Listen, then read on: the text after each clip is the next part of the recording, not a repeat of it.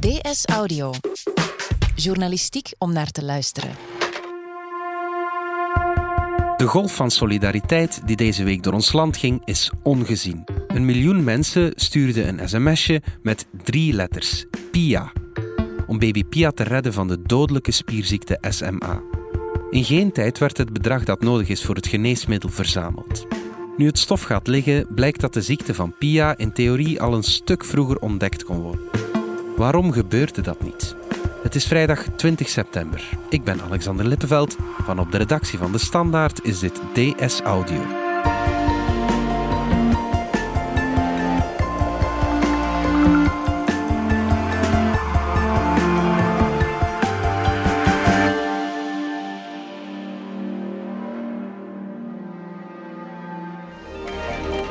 Solidariteitsactie voor de ongeneeslijk zieke baby Pia is een groot succes. Al meer dan een half miljoen Vlamingen hebben een sms gestuurd. Maxi Eckert, je hebt afgelopen week de zaak van baby Pia gevolgd voor de krant. Wat was nu juist het verhaal? Deze week kwam Pia heel veel in het nieuws, in alle kranten. Um, want het meisje lijdt aan een uh, genetische aandoening, een spierziekte. Ja, dus die behandeling is één spuitje met een virus met een gen in. Uh, dat uh, heel veel geld kost. En zij en haar ouders um, zijn op zoek, of waren op zoek, naar heel veel geld, naar 1,9 miljoen euro. Om Pia, een meisje van 9 maanden oud, te behandelen ze heeft een gentherapie nodig die in Amerika al op de markt is, maar nog niet in Europa. Er zijn staten in Amerika waar het terugbetaald wordt, natuurlijk niet voor Belgische patiënten. En haar ouders zochten um, bij het grote publiek geld om die gentherapie uh, te kunnen betalen. En hoe hebben ze dat aangepakt? Ze hebben een um, grote campagne opgezet, een uh, sms-actie, waarbij je zeer laagdrempelig eigenlijk geniaal als campagne. Ja. Um, een sms'je kon sturen en op die manier 2 euro doneren aan de ouders van Pia. Dus ja, we kunnen niet anders doen dan iedereen oproepen om toch nog dat extra sms'je te sturen, hè, Pia naar 4666. Er zijn met 11 miljoen Belgen. Um, daar moet er maar een tiende eigenlijk hè, een sms'je van versturen. En dan komen we aan het bedrag dat we nodig hebben. En het is dus gelukt om dat geld voor de behandeling, die 1,9 miljoen, binnen te halen. Het is op onvoorstelbaar korte tijd gelukt dat ze dat geld hebben binnengehaald. Uh, omdat zoveel mensen bereid waren om te sms'en of ook om geld over te schrijven. De sms-actie voor de zieke baby Pia heeft haar doel in een recordtempo bereikt. De ouders halen de 1,9 miljoen euro binnen die nodig is voor een behandeling. Die behandeling voor SMA, de spierziekte van Pia, kost dus 1,9 miljoen. Dat is gigantisch veel geld. Maar die had eigenlijk niet zo duur moeten zijn indien de ziekte vroeger was opgemerkt. Um, de moeder van Pia heeft tegen mij gezegd: als Pia wel gescreend was geweest als baby op die spierziekte, SMA, dan was die sneller vastgesteld. Hadden we snel een behandeling kunnen opstarten waardoor Pia waarschijnlijk wel meer kans zou hebben om zich uh, normaal te ontwikkelen. En wat voor een screening is dat dan? Um, dat is de zogenaamde hielprik. Op dag 4 of 5 um, na de geboorte wordt er um, in de hiel geprikt of wordt er bloed afgenomen van een baby. En daarin wordt, wordt gezocht naar bepaalde aangeboren uh, aandoeningen. Ja, naar hoeveel aandoeningen wordt in die test gekeken? In Vlaanderen wordt op dit moment op 13 uh, verschillende aandoeningen gescreend in het bloed van uh, baby's. Okay. Het interessante daarbij is dat in het bloed wordt gekeken naar bepaalde stoffen, waaronder uh, eiwitten of afbraakproducten die nu eenmaal in ons lichaam zitten. Ja. En wordt dus gekeken naar bepaalde stoffen die een grotere hoeveelheid voorkomen en waar dat niet normaal is. En dat kan wijzen op een bepaalde genetische stofwisselingsaandoening. En de aandoeningen waarop wordt gescreend, dat zijn dan de aandoeningen die dan ook meteen kunnen worden behandeld. Ja, okay. Waar je schade kan voorkomen door snel een behandeling te starten. En niet te wachten tot het kind op een paar maanden of een paar jaar um, die symptomen gaat ontwikkelen. En in Vlaanderen zit bij die aandoeningen niet SMA, niet de ziekte waar Pia aan leidt. In Wallonië wordt er wel op getest. sinds begin dit jaar. Oké, dus als Pia in Wallonië geboren was, dan was ze wel op SMA getest. Wat had dat dan betekend? Dan had, um, had de behandeling sneller opgestart kunnen worden. En waren de ouders nog op tijd geweest om Pia in te schrijven voor een klinische studie met die behandeling die ze uh, nu wil hebben. En was die dus eigenlijk gratis geweest voor Pia. Oké. En waarom wordt er in Vlaanderen niet en in Wallonië wel bij pasgeborenen op uh, die spierziekte gecontroleerd?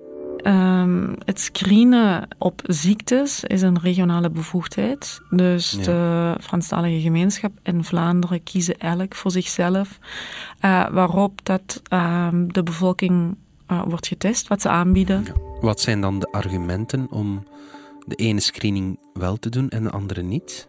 Heel belangrijk is uh, de ernst van de aandoening. Um, ook de vraag: is het zinvol om te screenen? In de zin, wil je het weten vooraleer het uitbreekt? Ja. In het geval van SMA is dat waarschijnlijk wel zinvol. Mm -hmm.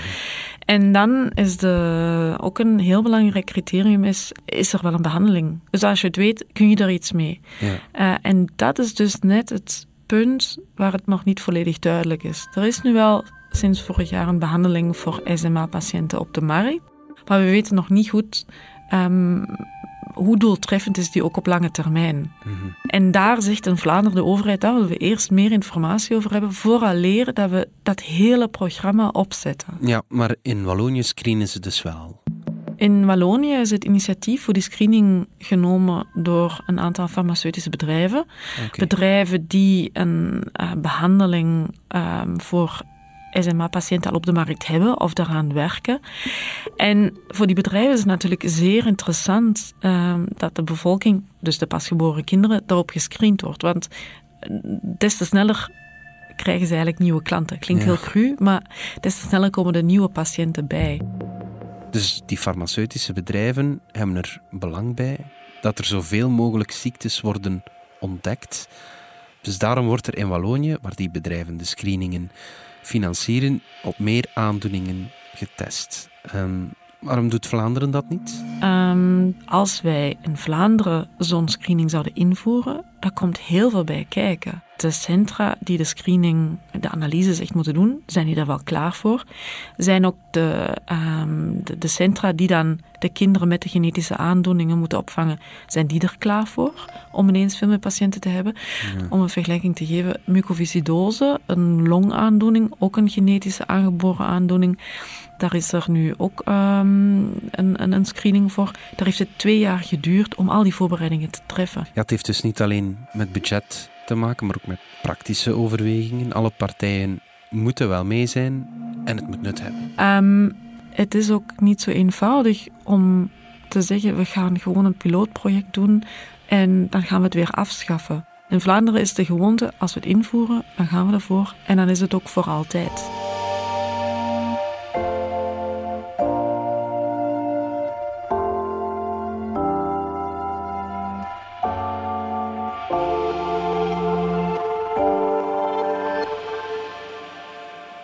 We zijn zo terug. Starten met een zaak. Voor sommigen blijft het een droom, anderen gaan er volledig voor. In Startschot, een podcast van KBC, laten we de doeners aan het woord. Zoals Stijn van Brouwerij de Poes. Mij hebben ze altijd geleerd, je kunt niet alles kunnen. Maar als je niet alles kunt, moet je tenminste wel durven luisteren naar iemand die er wel meer van weet dan u. Startschot, een podcast vol inspiratie over starten met je eigen zaak. Beluister hem nu via je vertrouwde streaming-app of op kbc.be-starters.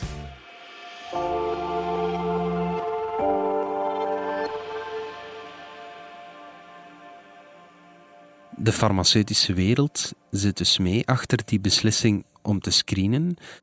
Aan de ene kant kan je zeggen dat is financieel interessant voor hen, moeten we dat wel willen? Um, aan de andere kant, het helpt ook mensen. Je zou kunnen zeggen, het is een principiële vraag zijn we bereid om het farmabedrijf of een farmabedrijf eh, op die manier inspraak te geven? Of zeggen we nee, we gaan liever op de rem staan en bekijken het zelf? Het is heel dubbel, hè? want die farmabedrijven doen op zich wel heel wat goeds, uh, maar ze gaan er ook wel mee aan de haal. Um, genetische analyses zullen in de toekomst ook alleen maar sneller gaan en beter zijn ehm, en goedkoper worden. En dan is het natuurlijk niet slecht als er een instantie is, zoals de overheid, die zegt: kijk, wat zouden we kunnen weten? Wat willen we weten? Hoe maken we die prioriteitenlijst op? Mhm. Voor de Vlaamse overheid is SMA, de spierziekte van PIA, op dit moment nog geen prioriteit. Ik denk dat het op dit moment uh, gaat het erom. We zitten met een zeer nieuwe behandeling. Ja, de behandeling voor SMA is nog maar sinds 2018 op de markt. Er is zo weinig bekend over um, de gevolgen op, of, of, de impact op lange termijn. Mm -hmm. um, zeer uh, veelbelovend. Uh, ik denk ook dat de vakwereld er heel blij mee is dat er eindelijk iets is. Um, maar uh, het is natuurlijk ook een soort van vlucht vooruit. Mm -hmm. Om het aan, zo, aan zoveel mogelijk patiënten aan te bieden. terwijl ja, je ook zou kunnen zeggen, het is ook zinvol om te wachten van laten we nog even de kat uit de boom kijken, wat nu de lopende studies precies uitwijzen. Hoe doeltreffend is het echt? Ja. Maar het is zeer begrijpelijk dat de ouders van patiënten zeggen, we willen alles uit de kast halen, het onderste uit de kan halen. Natuurlijk, ja. Anderzijds is het natuurlijk ook wel zo dat er heel veel aandoeningen zijn en genetische aandoeningen zijn um, waarop we zouden kunnen testen. Het worden er ook alleen maar meer, omdat we alleen maar meer te weten komen. En de overheid moet dan de afweging maken. Wat is nu het belangrijkste? Ja, misschien is er een andere ziekte waarvan dat er nu wel een behandeling is waarvan we zeker weten dat de uitkomst voor kinderen op vijf jaar tijd heel erg goed is. Mm -hmm. Ja, dan gaan we daar eerst op inzetten. Ja. Maar dat is natuurlijk het perspectief van ja, het niveau van de volksgezondheid en niet van de individuele patiënt, waar elke vraag bijzonder terecht is. -hmm.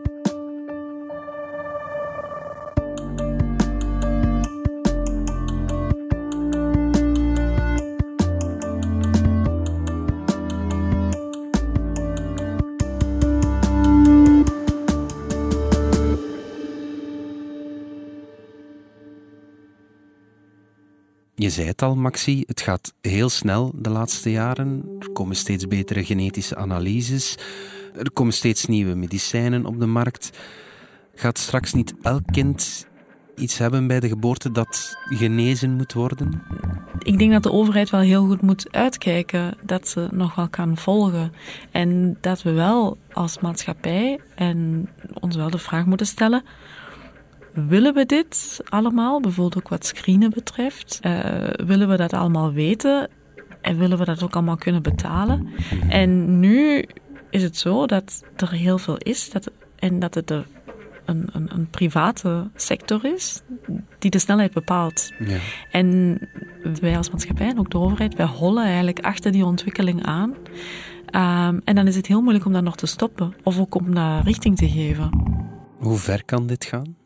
Ja, ik denk wel dat het risico van deze ontwikkeling is dat de uitgaven voor het gezondheidsbudget, dat die gewoon dat die de pan uitswingen. Mhm. Dat is nu trouwens al aan het gebeuren, maar dat het eigenlijk alleen nog maar verder gaat toenemen en toenemen. Ja. En dat is niet houdbaar. Dus er moet wel iets gebeuren. Ja, de beslissing van op welke geneesmiddelen wordt ingezet, ligt nu dus in handen van de farmaceutische industrie, waardoor de kosten kunnen oplopen. Wat kan de overheid daaraan doen? Wel, zoals ook uh, professor Lieve Annemans, gezondheidseconoom, zegt, de overheid zou veel duidelijker moeten zijn in het bepalen van grenzen. En zeggen van, kijk, dat zijn de limieten wat wij uitgeven. Voor een extra levensjaar. Dat klinkt heel cru, maar het geeft wel de industrie een kader en dat zij ook kunnen beslissen van, kunnen wij dat binnen dat kader ontwikkelen, ja of nee? En niet dat, dat de overheid er als voldongen feit voor, voor wordt gezet. We hebben nu een fantastisch nieuw geneesmiddel, maar het kost wel 1,9 miljoen euro. Ja, waar ligt die grens nu? Er zijn nu geen expliciete uh, limieten. Ja. Je ziet wel dat geneesmiddelen de laatste jaren de nieuwe allemaal nieuwer worden. Het is wel bijna elk jaar dat ik een artikel kan maken van er is weer een symbolische grens is doorbroken wat een nieuw geneesmiddel um, kost. Maar er is geen, geen expliciete grens. Mhm. Maar wij voelen wel met z'n allen aan dat één enkele inspuiting, 1,9 miljoen euro, Ja. dat dat gekke prijzen zijn. Dat voelen we allemaal wel intuïtief aan. Ja, want met dat geld voor één persoon zou je natuurlijk ook een hele groep mensen kunnen behandelen. Ja, maar die vraag stelt zich niet meer, want dat geneesmiddel is er. Ja. Dus ik denk dat die vraag van wat willen we uitgeven, moet eigenlijk gesteld worden, moet duidelijk worden gemaakt ehm, voordat dat geneesmiddel op de markt komt. Want nu, als het er is, ga je het een patiënt eigenlijk niet meer ontzeggen. Ja, Oké, Maxi Eckert, dankjewel. Dit was DS Audio. Wil je reageren? Dat kan via dsaudio.standaard.be. In deze aflevering hoorde je Maxi Eckert en mezelf, Alexander Lippenveld. De redactie gebeurde door Fien Dille en Joris van Damme, de eindredactie door Anna Korterink. Pieter Schrevens deed de audioproductie. Brecht Plasgaard schreef de muziek die je hoorde in deze podcast. Chef audio is Wouter van Driessen. De journaalintro's die je hoorde kwamen van VRT Nieuws, de quotes van de ouders van Pia van de zender ATV. Alle credits vind je op standaard.be-audio in het artikel van deze podcast. Vond je deze podcast interessant? Weet dan dat je er elke werkdag één kunt beluisteren. Dat kan via de DS Nieuws app of via standaard.be-audio. Je kunt je ook abonneren via iTunes, Spotify of de podcast-app van je keuze. Als je daar dan toch bent, schrijf gerust een review. Zo toon je ook anderen de weg. Maandag zijn we opnieuw.